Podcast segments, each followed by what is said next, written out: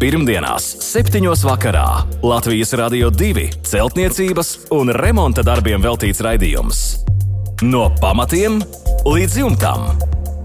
Ar padomiem un atbildēm uz klausītāju jautājumiem Latvijas Rādio 2 studijā - tehnisko zinātņu doktors, būveksperts Juris Biršs. Sveicināti raidījumā no pamatiem līdz jumtam. Studijā Inese un tehnisko zinātņu doktors, būveksperts Juris Biršs ir gatavs atbildēt uz jūsu iesūtītajiem jautājumiem un sniegt padomus. Labvakar, Birškungs! Labvakar! Šoreiz mums ir sanācis tā, ka vairāk jautājumu ir par būvniecības un remonta darbu materiālu izvēli un arī materiālu pielietojumu. Un sāksim ar Edgara vēstuli. Plānoju pats būvēt vienstāvu māju, taču nezinu, kā labāk izvēlēties materiālus keramzītblokus vai gāzbetonu. Kuru no materiāliem jūs, Birša kungs, ieteikt Edgaram? Gan no izmaksu, gan sarežģītības un arī no efektivitātes viedokļa. Tātad keramzītblokus vai gāzbetonu. Jā, nu, jautājums ir kā vienmēr grūts. Grūts gan. Un gribās jau pateikt, ka ir tas labākais. Nav tā labākā. Ja būtu tas vienīgais labākais materiāls, tad veikalos citu nevarētu dabūt neko. Tikai vienu materiālu mēs turētu. Bet tas nozīmē, ka no visā tā prasītā sarežģītība, efektivitāte, izmaksas, nu, tur ir dažādi. Un arī keramzīta betons un, un gālbetons absolūti nav viens un tas pats. Tātad mēs nevaram runāt par keramzītu betonu, kas būtu īpaši efektīvs. Toties viņš ir lētāks un viņš, galvenokārt viņš ir mazāk sarežģīts. Katram materiālam ir savi plusi un savi mīnusi, grūti atrast to kopsaucēju vienīgo. Tieši tā, un, un tāpēc varbūt, ja mēs druskuļi mazliet ieskatāmies šajos materiālos, nu, pirmkārt, keramzīta betons vai FIBA bloki vai uz viņu uz keramzīta bāzes veidot materiāli, tie visi ir silti siltināmie materiāli. Tad mēs veidojam mājas kā to sienas. Bet mēs zinām, ka mums jāpielieto būs noteikti siltumizolācijas materiāls.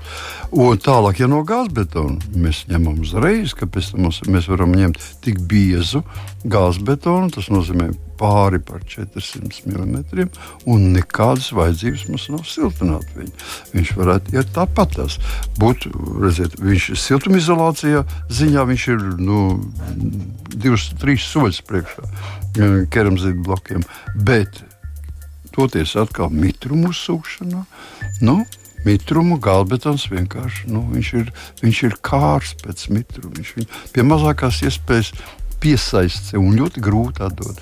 Keramzīta betona bloku ļoti ātri atdot. Nu, Mēneša laikā var pilnībā atbrīvoties. No Bet eh, mūsu klimatiskajos uh, apstākļos mitrums, jā. mitrums tas ir nu, tāds kā atslēgas vārds būvniekiem. Tieši tā, atslēgas vārds, un to visiem vajadzētu ieklausīties. To ir kā daudz cilvēku palaiž, palaiž garām. Mums jāatceras, ka mūsu vidējais mitrums valstī pa gadu ir 80 un lielāki procenti. Tas ir ļoti reti. Eiropā katrā valstī tā nav. Un tāpēc eh, ir vienkārši jā, jāsādā skaidrs sev priekšā. Būvēšu vienkāršu ēku ļoti, ļoti mm, ar vienkāršiem tehnoloģiskiem paņēmieniem, īpaši neizsargājot ne no kā. Pēc tam pirkšu siltumizolāciju, klāšu virsū, apdaru skārtu un man ir gatava māja no keramzīta blokiem. Jeb arī es veikšu ļoti sarežģītus darbus, ļoti uzmanīgi uzglabāšu gābetonu, lai viņš, lai viņš jau pirms iestrādes viņš nekur nesaslapinātos. Pēc tam, lai viņi varētu iebūvēt šajās sienās ļoti, ļoti skrupulozi, skatoties, ka vajag viņu nosegt ar plēvēm un, un neļaut nekādā gadījumā lietas iedarbībai. Un pēc tam nu, atkal censties visu to laiku radīt papildus uh, apkuri un, nu, var sakot, kaprīzes materiāls. Visādā ziņā brīnišķīgs. Ja viņu mēs varam uh, kaprīzēm šo materiālu saglabāt un iestrādāt tā, kā vajag, nekā labāk par sausu gāzbetonu nav. Un nekā sliktāk nav par mitru gāzbetonu. Jā, ja varam ar gāzbetonu kaprīzēm tikt galā, Tieši tad būtu viss kārtībā. Nu, izvēle Edgaram. Izvēle ir katram sava. Cik nu mēs varam atļaut laiku, cik mēs varam finanses atļaut un cik mēs varam nu, sakot, izsekot paši līdzi visam. Jā, bet tāds provokatīvs jautājums, ja es jums jautātu, būtu šie divi materiāli un jūsu celta māja. Kur izvēlētos? Nu, praktiski man, ar mani ir sarežģītāk, jo es ļoti labi pārvaldu gan vienu, gan, gan otru. otru ja? Bet abas to nevar uzreiz. Nu, ne no abas. Nekā. Es, es arī ne, vispār netaisītu nemaz ne no, ne no keramzīta betona, ne no gābetona. Es, es savādāk. Tā. Izvēlētos citu materiālu. Jā, citu materiālu. Un kādu neatklāsit?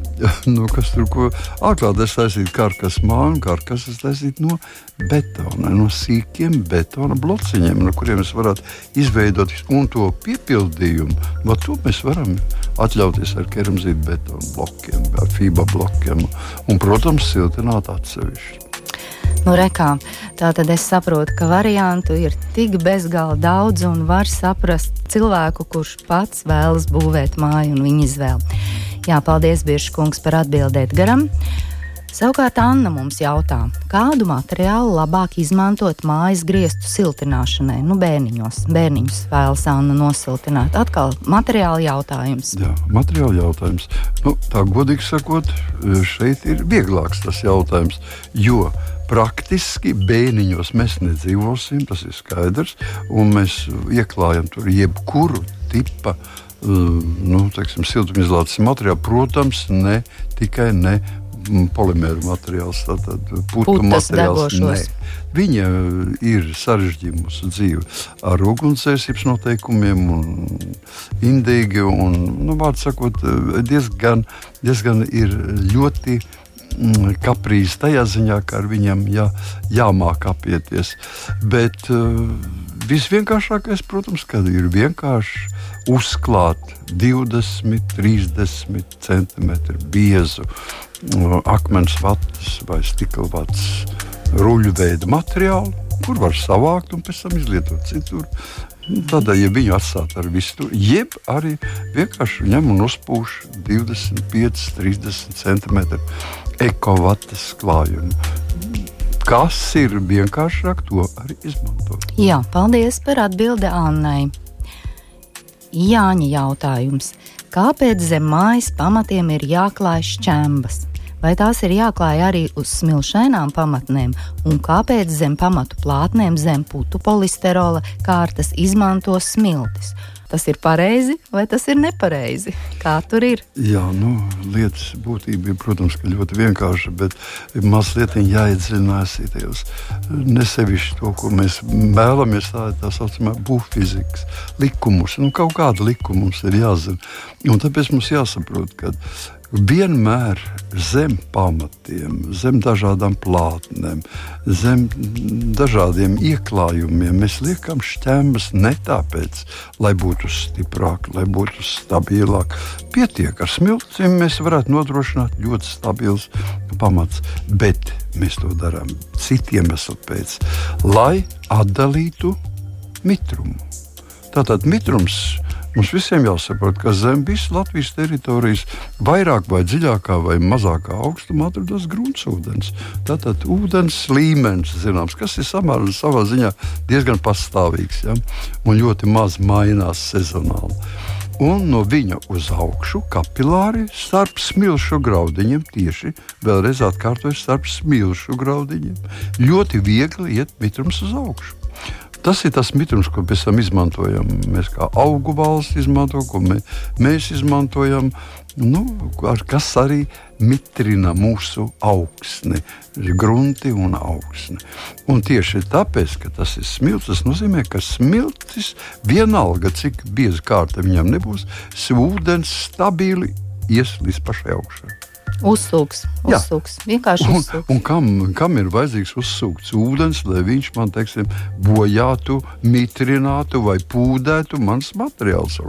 Mums to nevajag. Tāpēc, ko mēs darām, mēs smilšu pamatni norobežojam ar šķēmu slāni. Nu, minimums 10 cm biezumā, blīvētas šķēmas, kur daļiņas ir lielas, starp viņām kapilārie spēki ir ļoti vāji un ūdens netiek uz augšu. Tātad viņš aiziet tik tālu, cik ir smiltis, pēc tam apstājās, uzsilst, tāpēc ka laiks ir zem ēkas vienmēr ir siltāks nekā teiksim, citur.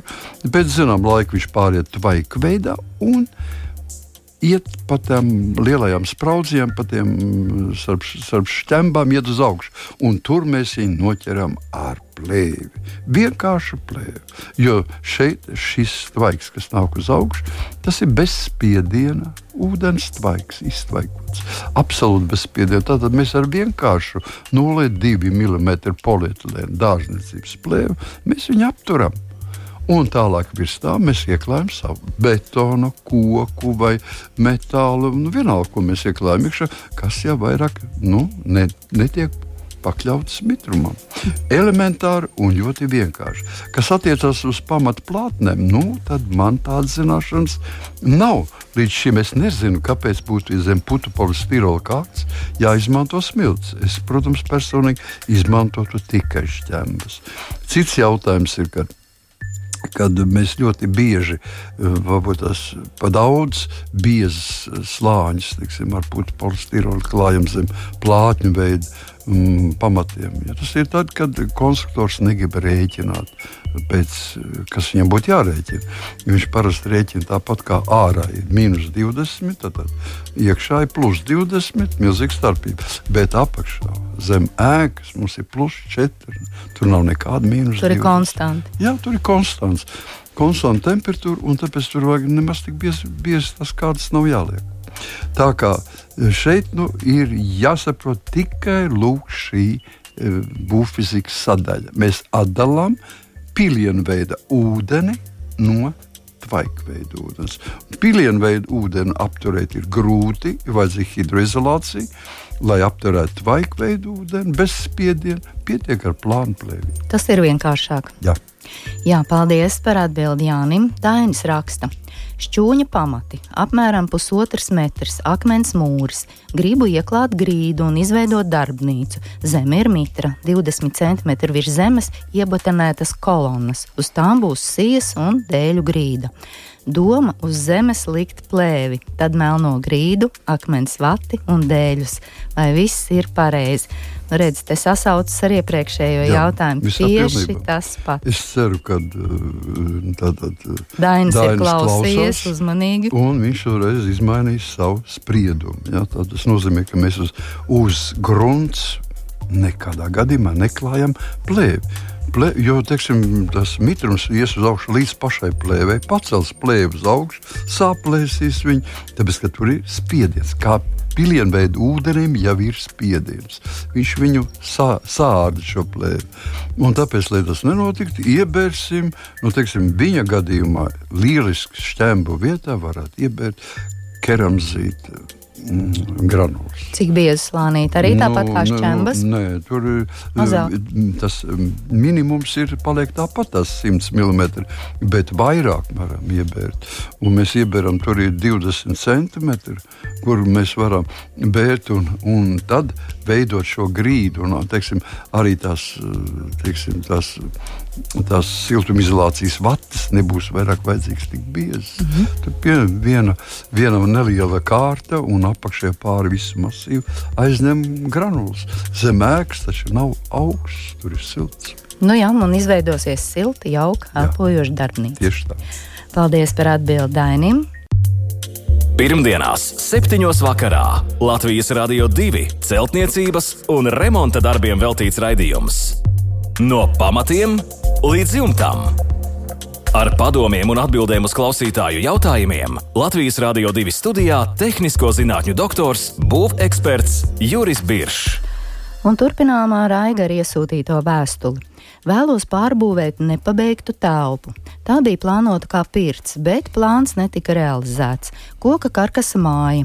Pierāks no ārpuses ir šāds: pusbaļķis, lata, OSB, vate, tvaika izolācija, gaisa sprauga, vate ar foliju un tad lata, uz kuras bija paredzēts šūt pirts dēļus, bet kā jau minējām, šis projekts netika realizēts. Tā būs saimniecības telpa tagad, kur atradīsies ūdens boilers, veļas mašīna, veļas žāvētājs un citas saimniecības lietas. Vai varu uz folija likt rīģipsi, tad flīzes, vai tomēr vate ar foliju ir jāņem nost, Ja jā, tad kāds ir jaunais sienas pīrāga turpinājums? Ventilācija paredzēta caur logu piespiedu, kas ieies skursteņa ventilācijas šahtā. Jā, nu, diezgan garš apraksts. Un, un tādas situācijas veidojās. Te vienkārši būtu jāpievērš sekojuši uzmanību visam tam pīrāgam, kas tika, ko Aigars tika mums stāda priekšā. Uh, Tā tad viss ir pareizi, izņemot to vietu, kur ir gaisa sprauga. Ja tā ir ārsiena, tad uh, nu, ne pēc kādiem būvfizikas likumiem nekādas spraugas nevajadzētu atrasties, ja viņas nav ventilējamas. Tāpēc es viņu teikšu, teiksim, ignorējam, par cik tā nav dzīvojamā telpa. Mēs varam viņu ignorēt. Pie viena noteikuma tikai, ja izņemot ārā šo foliju un siltumizolācijas materiālu, pazūd tas sprauga, tad tas būtu vispareizākais risinājums. Katrā gadījumā nevajadz, man vajadzētu uh, vienkārši uztraukties par to, ka ir sprauga, kurā atrodas ieslēgts stāvošs gaiss.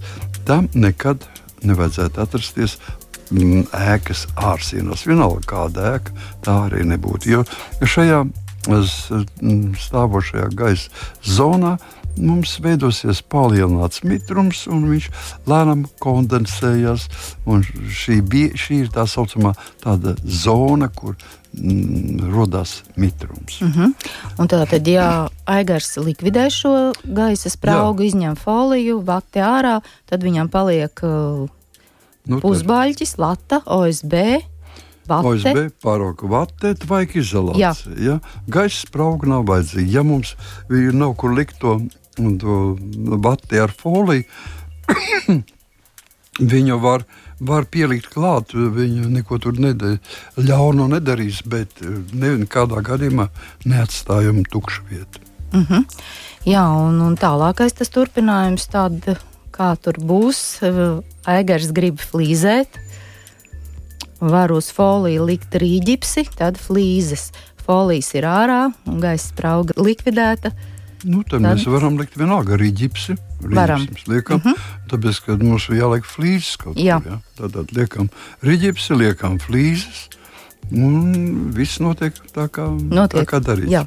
Folijas un vati ir ārā, un viss notiek tālāk. Jā, tālāk ventilācija, tā kā, kā jau Aigars teica, tāda var turpināties. Uh mhm. -huh. Jā, paldies, parāda bildi Aigaram. Uh, Turpinājumā mums Biržkungs ir vairāki jautājumi par tā saucamajām Hruščovkas tipa mājām.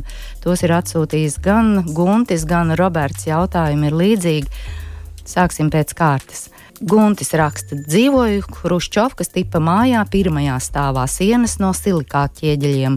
Uz mazās istabas ziemeļu stūra sienām jau gadiem rudens ziemas sezonā rodas mitrums, vēlāk arī rodas pelējums. Vairākas reizes esmu mēģinājis nokalt apmetumu līdz pat ķieģelim apstrādāt ar mm, pretsēnīšu preparātiem, uzliku jaunu apmetumu. Pēdējā reizē pat aplīmēju ar diviem milimetriem korķa slāni, bet rezultāts ir viens un tas pats - mitrs, augstas sienas un pelējums. Nu, un Guntis piebilst, telpas regulāri tiek vēdināts un jautā, nu, ko darīt, kā rīkoties. Vai pēc vecā apmetuma nokalšanas ir kāds līdzeklis, kuru varētu uzklāt, ar ko pirms jaunā apmetuma uzklāšanas var apstrādāt sienas. Vai vispār šis būtu pareizs solis, varbūt tur ir pavisam citi risinājumi jāmeklē? Nu, teiksim, tā, tā ir bez šaubām traģiska, traģiska lieta dzīvot šajās ēkās, īpaši, ja vēl viņi sagriezti varbūt ne pret valdošiem vējiem, nepareizi, tad ir tiešām grūti. Bet uh, galvenais, ko ir jāsaprot uh, šai gadījumā guntim, tātad ir tikai viņu glābi tikai divi varianti. Pirmais variants ir siltināt visas ārsienas, pie tam nevis ar diviem milimetriem korķi, bet es jau nu gribētu vismaz, vismaz nu, piecus. Īstenībā praktiski ļoti labi būtu divreiz par 25 mm mīkstās kokšķiedra plāksnes. Ar viņām apšūt visas ārā, iekš, iekšējās no iekšpuses, visas ārsienas apšūt. Un tad uz viņa virsū džotas audumu, sietiņu un apmetumu.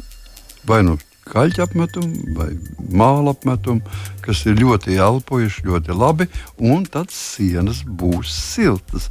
Tiklīdz sienas būs siltas, tas ir jāsaprot, ka viņas neviens nesilda, bet viņas ir siltas. Tas nozīmē, ka mums uz viņiem neizkritīs mm, kondensāta mitrums. No telpu siltā gaisa, no tā, ka mēs labi kurinām telpas, mums uz augstajām sienām veidojas ūdens plēvīte. Un šī ūdens plēvīte ir pats labākais priekšpēlējums. Mm -hmm. Tā viņš mums parādās. Ja mums būs siltas šīs sienas, tad kondensāts nevar rasties, un mēs esam viņu savaldījuši. Ir otra iespēja, ja teiksim, ir grūti, nu, teiksim, visas sienas varbūt nespējam. Tā teiksim, ir kaut kur tuvu pie, piebīdīts mēbeles un, un ir grūtības, tad mēs veidojam.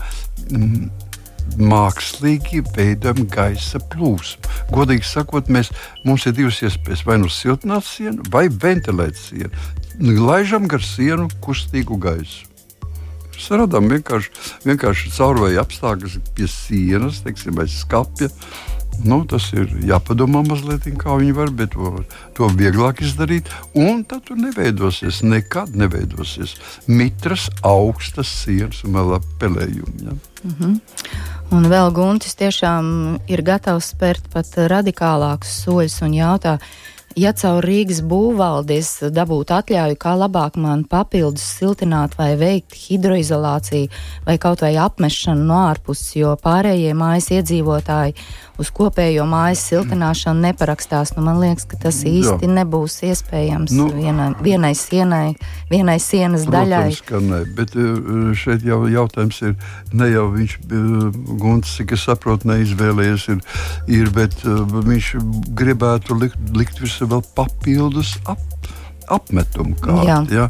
Nu, teiksim, viņa gadījumā varētu klāt virsū tā saucamos siltos apmetumus, kas satur vēl savus granulas no siltumizolācijas materiālu. Bet nu, tas viss ir sarežģīti. Es domāju, ka daudz vienkāršāk ir zaudēt no savas telpas nedaudz sienas, paplašinot sienas biezumu, bet tos 5 centimetrus, sevišķi stūros, kur viņi sanāk kopā, tad, tad tur jau ir 10 centimetri gandrīz.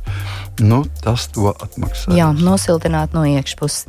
Paldies par atbildi Guntim. Roberta vēstule ir visai līdzīga, kā pasargāt dzīvokļa sienu no mitruma, ja dzīvoklis atrodas ķieģeļu hruščovkas pēdējā stāva ziemeļpusē. Nu, redz, Guntim bija pirmajā stāvā, Robertam pēdējā stāvā. Apmetums tikai daļēji turas, sienas ir tumši pelēkas un mitras.